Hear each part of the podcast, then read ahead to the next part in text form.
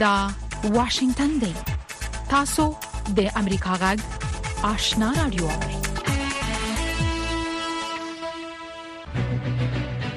قدرمن اوریدونکو السلام علیکم زه شافیا سردار یم دا د امریکا غږ آشنا رادیو خبرونه پیل شوه لومړی خبرونه واوري ویان سید سلیمان شاه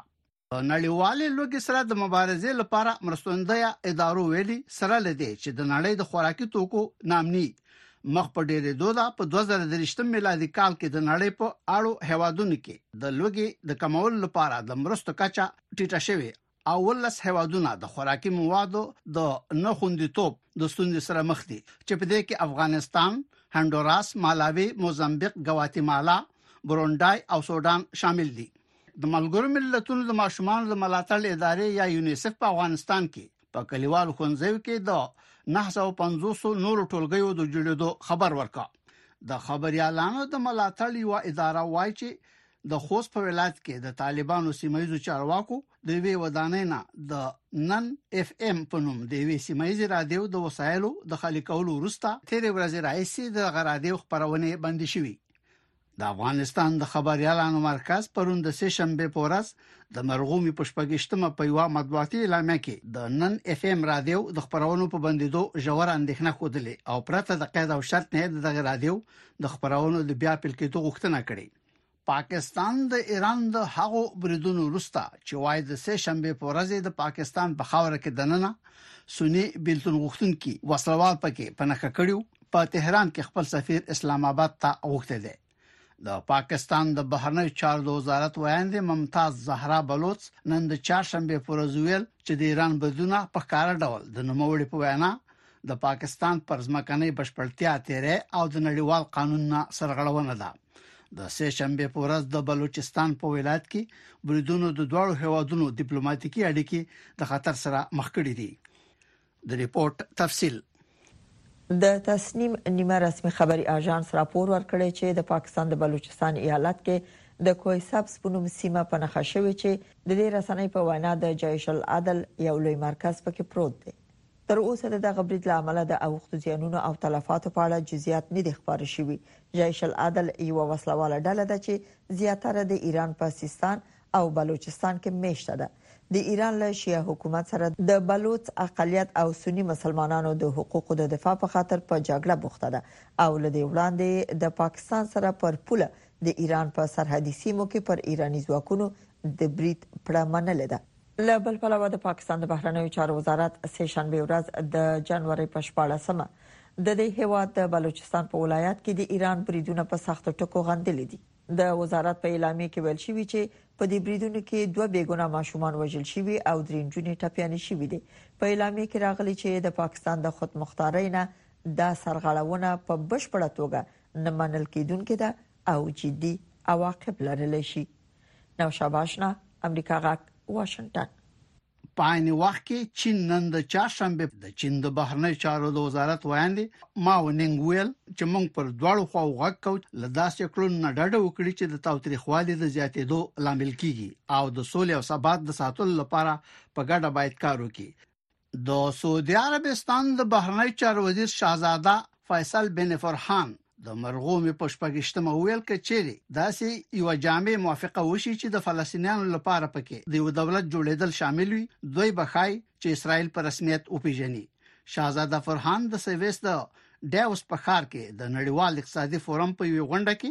د اسرایل او فلسطین ترمنځ د شخړې حل ته په اشاره ویل موږ موافق یو چې د سیمې په امنیت کې د اسرایل لپاره سوله شاملې شاهزاده فیصل په خپل خبرو کې ویل چې په سیمه کې د سولې ترلاسه کولو په هلو ځلو کې چې د فلسطینیانو لپاره د دولت جوړېدل پکې شاملې د متحده ایالاتو د حکومت سره په ګډه کار کوي له بلې خوا د هغو یو سل شپږ دېرش اسراییلیانو کورنۍ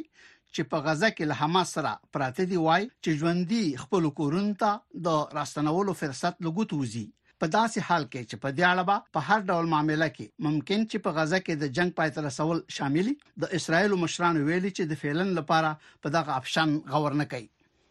د سپینې ماڼۍ د ملي امنیت صلاحکار جیک سلوان د سه شنبه په ورځ د مرغومي پښپګشتمه ویل که څه هم چې متحده ایالات په یمن کې د حوثي اغیانو په مرکزونو بریدونه تر سره کړي خو په منځني ختیځ کې د کړکېچ مخنیوي غواړي او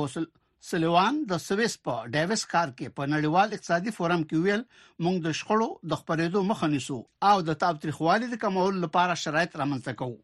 د ایراني ځواکونو لخوا د شپې د عراق د اربیل په ښار د توغندو لوشتلو وروسته چې لامل یې څلور کسه وژل شوي او شپږ تنه نور ټپيان شوي د سیمې اوسیدونکو دا اندېښنه خوده ممکن چې دوی د هغه جنگ ښکار شي چې پر امنځته کولو کې دوی هیڅ قسم لاس نه درلوده زمونږ غږ له واشنګټن نه اوري د جاپان یو مسافر وړونکي الوتکه چې متحده ایالات ته روانه و ورسته له هغه بیرته ټوکیو ته ستنه شو چې یو مسافر د شراب د نشي په حالت کې د الوتکې یو خدمه په غاښ اوچیچله د خبرونو پای خبرونه مو د امریکا جغ آشنا رادیو څخه واوریدل قدرمن اوریدونکو د امریکا جغ په دې سهارنۍ پښتو خبرونه کې د افغانستان سیمه او نړۍ د اوسنوي حالاتو په اړه کې مهم مطالب لرو هله د خبرونه تر پای واوري لومړی به دا راپورټ واوري چې د طالبانو د حکومت چارواکي وایي د افغانستان او چین ترمنځ د بدخشان د ولایت لاري د یو سړک د جوړولو چارې بشپړې دوه ته نږدې شوې دي د سیاسي چارو کارپوهان د دغه سړک جوړول د افغانستان اقتصاد لپاره مهمه غني خو وايي چې چین په سیمه کې د یغور وسله والو د شتون په اړه اندیشنې لري نور تفصيل زموږ د خبريال اکرام شینواری په دې رپورت کې واوري د بدخشان ولایت لپاره د طالبانو د حکومت ولی محمد ایوب خالد وایي چې دغه ولایت څخه د چین سرحد ته د سړک د جوړولو چاري بشپړېدو ته نږدې شوي چې ورسره به افغانستان د سړک لارې د دغه هیواد سره ونښلول شي مولوي خالد د حریت په نوم یوې سیمه ییزې راډیو سره په مرکه کې ویلي چې د دغه سړک د ایستلو د کار د بشپړېدو وروسته دا سړک به کلیدي شي چې ورسره به د افغانستان او چین ترمنځ د سوداګرۍ لپاره زمينه برابر شي د سړک د سروې کار چې دی د ډیزاین کار چې دی هغه د اوس انجنیران تللی دی دوری دی پر ډیزاین باندې کار شروع دی نو موږ به خپل اقتصاد ته ګورو ان شاء الله د ژمي په تیریدو سره ممکن د پختیا کار یې هم په پسرلي کې شروع شي دا سړک یو حیاتي لاره ده او ډېر اقتصادي لاره ده دا ډېر اهمیت لري افغانستان لپاره اهمیت لري د نړۍ او د خصوصا د اسیا لپاره اهمیت لري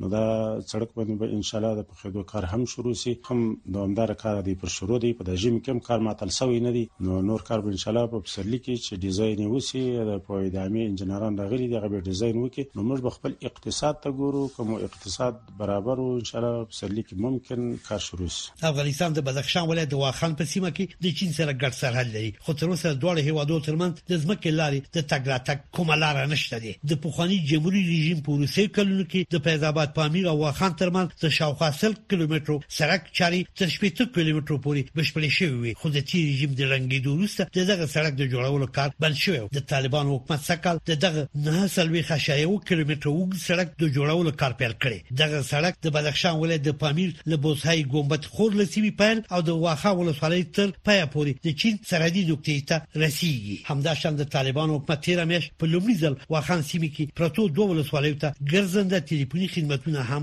ورسول چین د طالبانو حکومت سره نږدې اړیکې لري او دا هیواد پرته لدی چې د طالبانو حکومت پر رسمیت وبیجني کابل ته خپل سفیر استولې او د طالبانو د حکومت سفیر په بیجینګ کې منلې د افغانستان د سیاسي چارو کارپوهان د چین او افغانستان ترمنځ د ځمکې لارې نښلېدل د دغه هیواد اقتصاد لپاره خورا مهم ګڼي خو چې چین په سیمه کې د یغور مسلمانانو د فعالیتونو په اړه اندېښنې لري د سیاسي چارو کارپوه احمد سیدي وایي چې چین کې دې شي چې د یغور مسلمانانو د فعالیت په اړه د طالبانو له حکومت څخه ډاډ ترلاسه کړي وي امیدوار هستم که این سایه بتانه همیشه امن باشه اما ایغورها یک مشکل برای چین هستند و شاید طالبا تعهد سپرده باشند که ما ایغورها رو مهار بکنیم تا مشکلی به چین نرسه خو د سیاسي چارو یو بل کارپوه طارق فرهادي په داسې حال کې چې د سرک د جوړولو د پروژې بشپړېدو ستاینه کوي وایي چې دا کار به چین ته د افغانستان څخه د صادراتو د زیاتېدو په ځانګړي ډول د تازه وچو میوو د صادراتو سره مرسته وکړي ښاغلی فرهادي وایي چې د سړک جوړېدل یوازې اقتصادي پلوه اهمیت لري او د چین لخوا د طالبانو د حکومت د رسمیت پیژندو سره به کومه مرسته ونه کړي و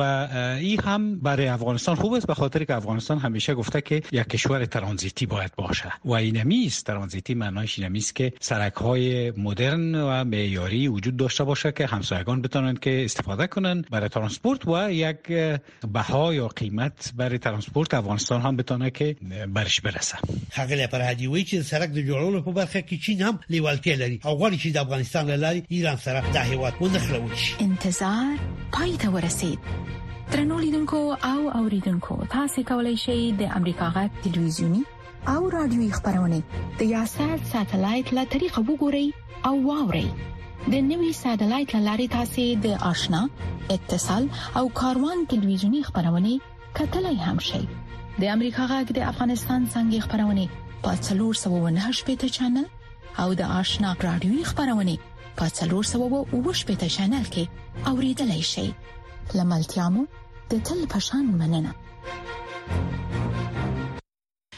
د امریکا جغ آشنا رادیو څخه راپورټونه ته دوام ورکوي د لوږې په وړاندې د اقدام په نوم ادارې د 2023م کال په تازه راپور کې ویلي چې د نړیوالې لوږې د مخنیوي لپاره د مالی امکاناتو برابرولو کې مالی کسر په څلو کې 15 شپته تر رسیدلې دي هغه هیوادونه چې بیړنیو مرستو ته اړتیا لري افغانستان یې په سر کې دی د بل خوا د ملګرو ملتونو د بشري مرستو د همغږي دفتر او چاوایي چې په افغانستان کې له هم لوړه او خارځواکي په لوړه کچه دوام لري نور حال پر پورت کې د لوږې پر وړاندې اقدام په نوم ادارې د راپور په اساس د ملګرو ملتونو د بشرپاله سیستم لارې د بودجې تحلیل دا ښیي چې په تیر 2023م کال کې د هغو هیوادونو غوښتن ته چې په لوړه کچه د لوږې د ناورین سره مخ وو یوازې 15% ته مالی امکانات برابر شوي دي د غیداري ویلي چې په 2023م کال کې د لوږې سره د مبارزې په برخه کې نړیواله بودجه د 2022م کال په پرتله درویشت فیصده کمه شوې ده. افغانستان د هغو اوولسو هېوادونو په سر کې دی چې د دوه زره او دوه ویشت کال راوروسته یې په لوړه کچه لوږه تجربه کړې ده. د ملګرو ملتونو د بشري مرستو د همغږۍ دفتر یا اوچا وايي چې په افغانستان کې لا هم لوږه او خوارځواکي په لوړه کچه دوام لري چې د اټکل له مخې به په روان دوه زره او څلوېښت کال کې پنځلس اعشاریه اته میلیونه افغانان د خوړو د نه خوندیتوب سره مخ شي. بس هغه خبره ده سینې لاس نیولو نه بس مرګ هم ښه سي په ځان یې تېر کړي چاته وینا ته ضرورت نسته. په افغانستان کې د خلکو د لوږې کیسې خورا دردونکې او غمجنې دي. خرماګل د میلیونونو کسانو له ډلې وده چې له تېر څو مېاشت راهیسې له لوږې، سړې هوا، بې ځایه کېدو او طبیعي پېښو له کبله رنځېږي. نیم روز من یک بوت نداشتم یک همسایه بوتش پای کرده این باخدا پای مرا قط گرفته دیگه پای مرا اوکار کرد تا افسوس با پای آمده ایم. په افغانستان کې دغه شان نور خلک هم شته چې ورځې او شپې په لوږه کې تېرېږي.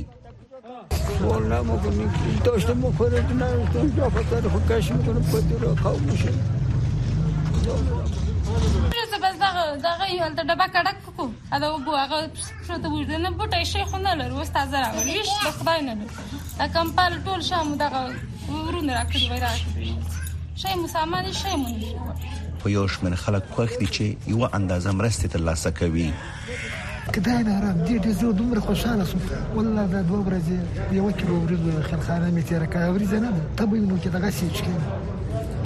د ملګرو ملتونو د بشري مرستو د همغږي دفتر ویلي چې پر روان 2024 کال کې 15.8 میلیون افغانان ته د مرستو برابرولو لپاره څه باندې 1 میلیارډ ډالر بودجې ته اړتیا لري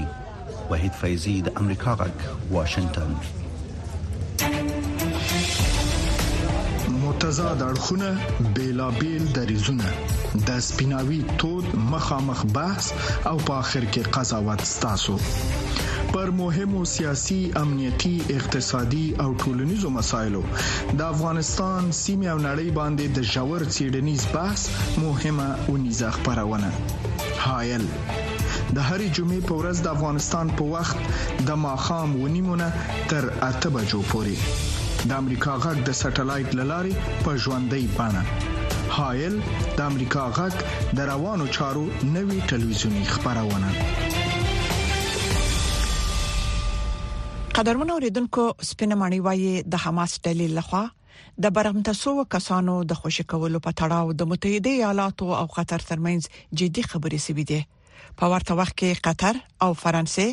د اسرایل او حماس ترمنځ د یوې داسې موافقه منځګړتوب کړی چې په اساس به برمته سو کسانو ته درمل لیږدول کیږي په داسې حال کې چې د اسرایل او حماس ترمنځ د جګړې د پراخېدو ویره مخ په زیاتېدو ده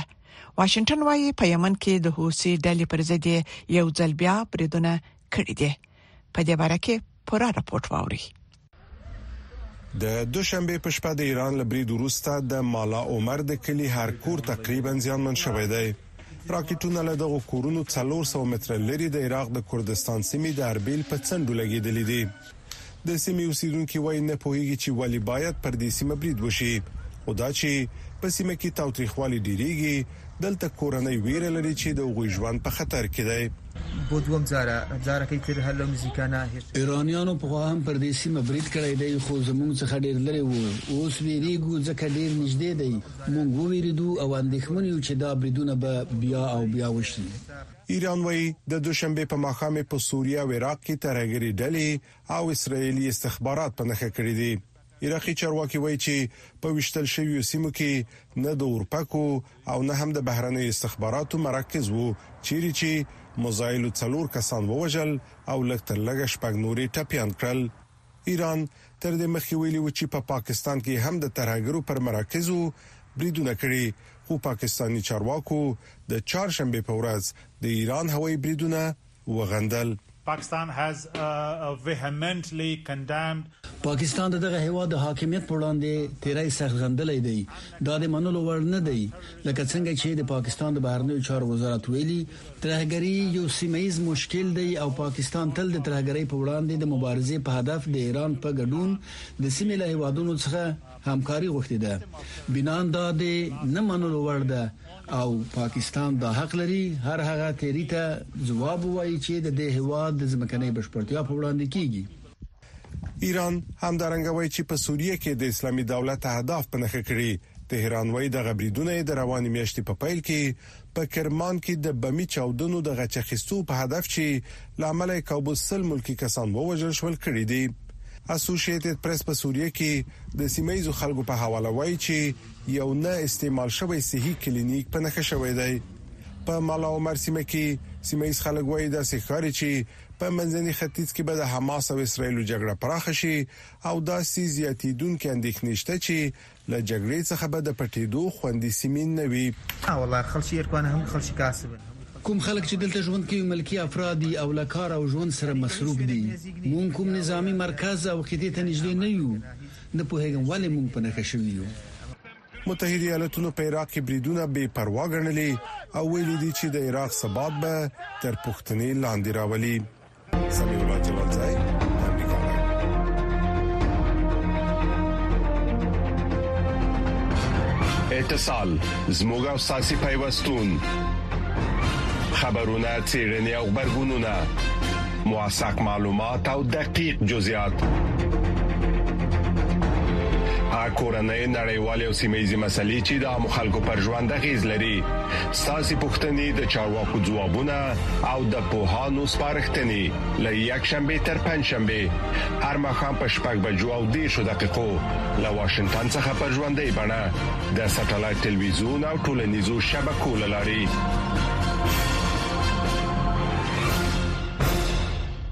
پټونو ته دوام ورکوه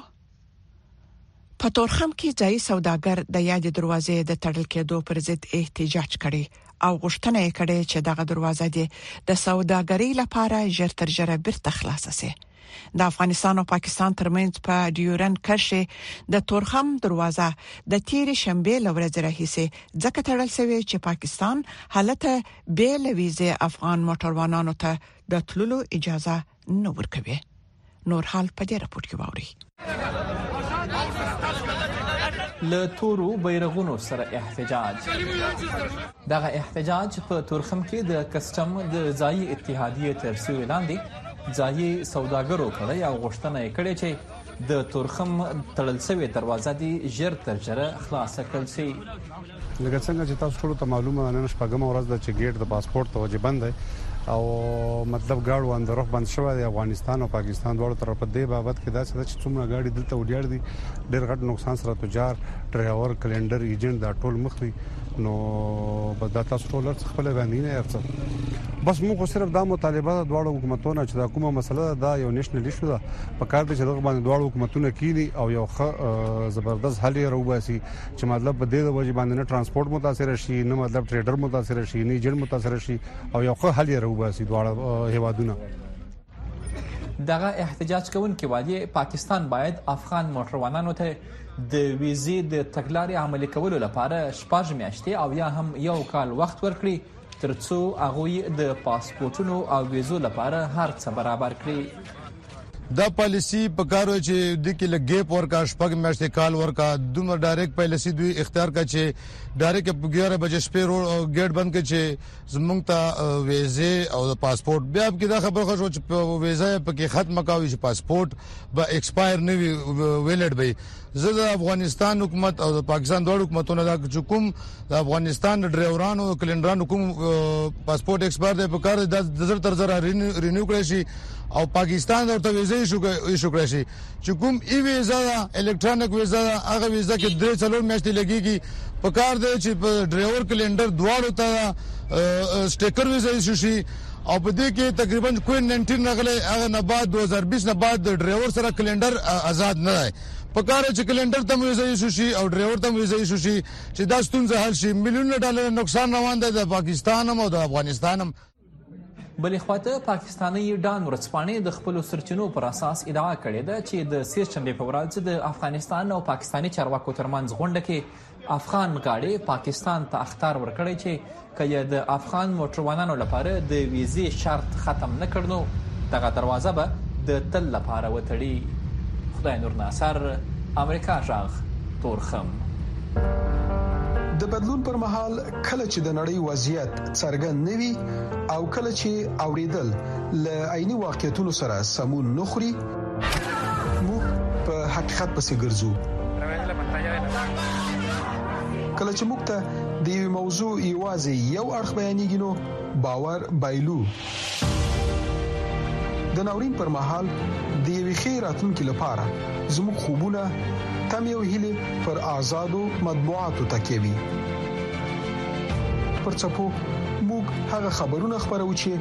خلک یې د لیدلو لپاره غواخونه مني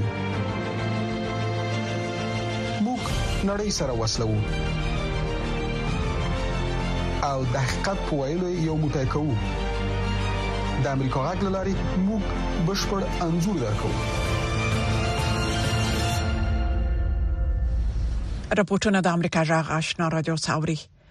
د اوکران جمهور رئیس د سې شنبه په ورځ د نړیوال اقتصادي فورم په کلنۍ غونډه کې د نړۍ له مشرانو وغوښتل چې یادې نوري پوځي مرستې ورسره وکړي او یادې د روسیې لخوا په نورو هیوادونو د بریدونو خطر ومني د امریکا ژغ خبريال هنري رجولي رپورت را لېږلی دی او پښتو ژباړه به یې واوري نړیوال اقتصادي فورم د نړۍ له ګډ ګډ څخه سیاسي او سوداګریز مشران سره یوځای کوي په غونډه کې منځني ختیځ کې جګړې ته د ډیر پام ترڅنګ د اوکرين ولسمشر ولادیمیر زيلنسکي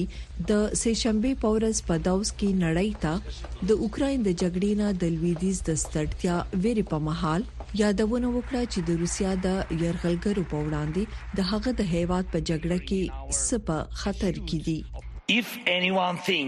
که څوک فکر کوي چې دا یوازې زموږ یوازې د اوکراین په اړه دي، دوی لویه تېروتنه کوي. احتمالي لارښوونې او حتی د اوکراین څخه هاخوا د روسیې د نوي تېري مهالوېش ورځ تر بلې روښانه کېږي. او که چېرې یو څوک په راتلونکو کلونو کې د روسیې ولسمشر ولادیمیر پوتین پر ضد جګړه کوي، نو دا به غوره نه وي چې د هغه او د هغه د جګړې ستراتیژي پای ته اوس ورسوي په داس حال کې چې زمونږ زړور نارینه او خځې لا د مخه دا کار کوي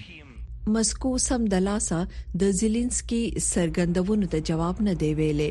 په داسې حال کې چې روسیا د خپل ځواکونو په بیا سمبالولو کې ډیره پنګونه کوي نو کیف وايي چې په عاجله توګه نوي وسلو ته اړتیا لري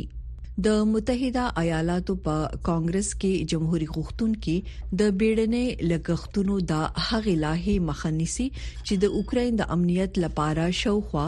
50 میلیارډ ډالر مرسته غواړي د سه شنبه په ورځ په ډاوس کې د زيلنسکي سره په دوه اړخیزه ناسته کې د متحده ایالاتو د بهرنیو چارو وزیر انټوني بلینکن وویل چې د هغه د هیواد ملاتړ دوامدار دی.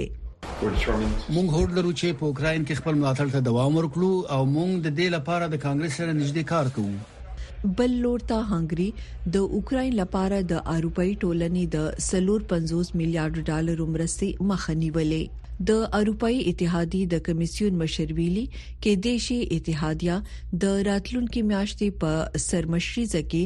د هنګري درای د لری کولو هڅه وکړي شیناز نفیس امریکا غږ واشنگټن طالبانو د افغانستان له دننه د امریکا غږ راډیو خبرونه درولې دي خو امریکا غږ په پوره شمنتیا خپل افغان اوریدونکو ته په پښتو او دری ژبه د کره باوري او هر اړخیزو خبرونو په خبرولو د افغانستان له بهره په 902 کیلو هرتز منځنوي سپو خپل خبرونه ته دوام ورکړي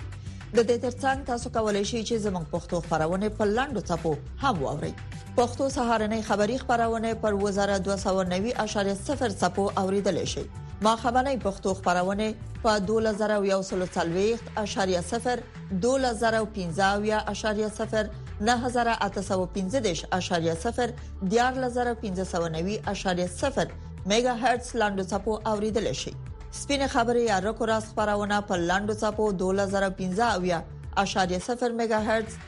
د نن او وضعیت یا روایت امروز خبرونه په لاندو چپو 2041.0 9915.0 2015.0 او ستاسو غږ یا صداي شما خبرونه په لاندو چپو 2015.0 نهه زره درې سوه پنځه پنځوس میګا هرتز اوریدلای شئ. درنو اوریدونکو که څه هم دا مهال په افغانستان کې پر سینما او تیاتر بندیزونه لګیدلي دي خو په نور نړۍ کې د فلم ځینې مسافر افغان مینوال په خپل شخصي لګښت کله ناکله فلمونه جوړوي په همدې لړ کې د جنوري په 15مه نیټه په لندن کې د وانټډ په نوم افغان فلم نندارې ته وړاندې شو قاسم خان مندوخیل یې په اړه رپورټ لري. د لندن هارو سیمې په ایلیټ تالار کې یو افغان فلم نندارې ته وړاندې شو چې ګڼ مینوال یې لیدو ته ورغلي ول.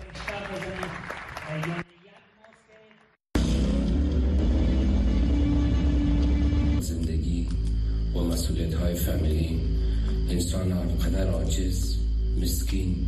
و مجبور به کارهای می سازد که انسان اصلا تصورش هم نمیتواند بکند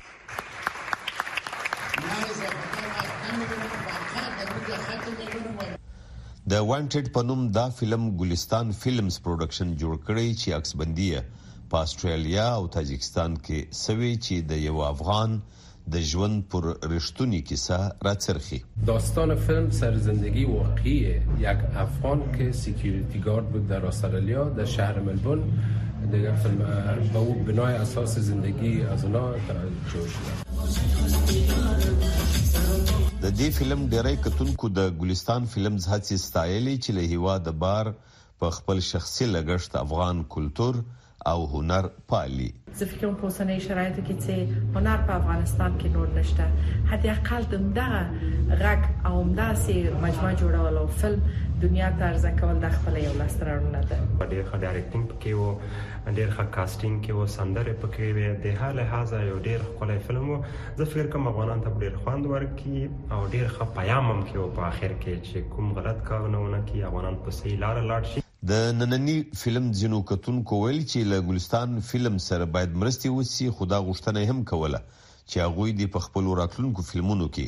د افغان میرمنو ځپلی ژوند هم انځور کړي. ای فلم دریچه بود بر مشکلات افغان های مهاجر و ما امیدوار هستم که در آینده های نزدیک اینا از پلتفرم استفاده کرده از صدای خفه شده ای زنای افغان انکاس بتن ما یک توقع دارم و یک خواهش دارم از گلستان فیلم که اگه اینا بتانن در آینده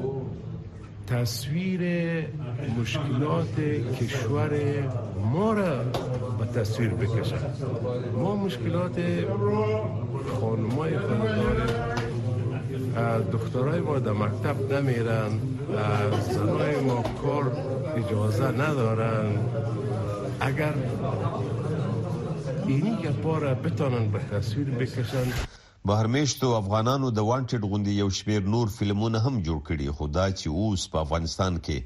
د سېنما او تیېټر ورونه تړلي دي، نو څومره شونې ده چې په بهر کې افغانان خپل فلمي صنعت ژوندی وساتي؟